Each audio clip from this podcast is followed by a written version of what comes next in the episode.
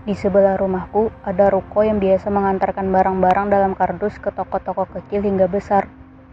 Waktu aku sedang melihat aktivitas itu melalui balkon kamarku, ide jahil melintas dalam kepalaku. Karena aku tak suka menunda, aku lalu turun ke bawah dan pergi ke sana. Ibuku yang sedang menyiapkan makan malam di dapur sempat menegurku mau ke mana, tapi ku jawab bahwa aku mau belanja sebentar keluar. Ibuku hanya mengangguk setelahnya dan tanpa mencurigaiku sama sekali yang sedang menyembunyikan tang di tanganku.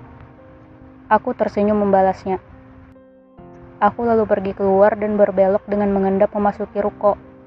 Sebelumnya aku sudah mematikan listriknya sebentar agar aku tak ketahuan. Dengan menyelinap di antara tumpukan kardus yang berserakan, aku akhirnya bisa sampai ke dalam.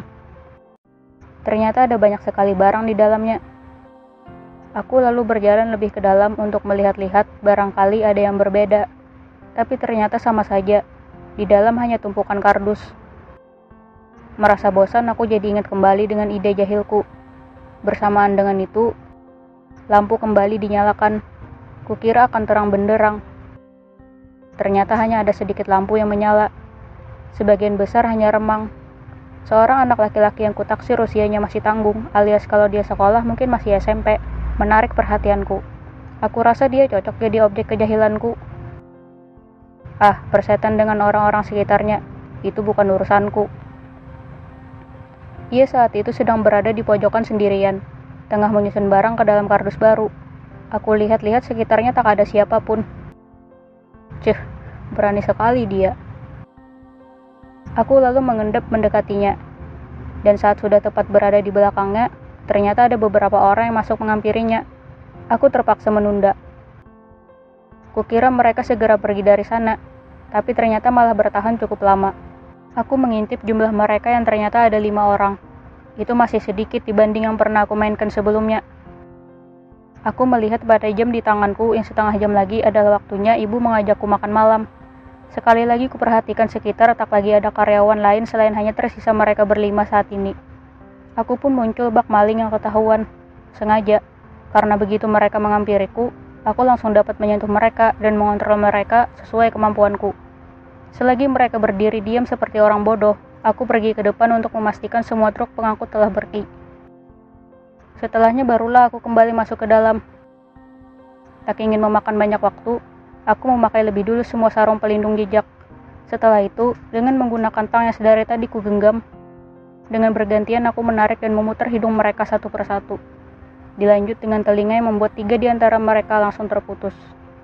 Sehabis itu aku mematahkan jari mereka dengan memutar geraknya membalik. Karena fungsi alatku terbatas, aku lalu berkeliling mencari sesuatu yang lebih seru.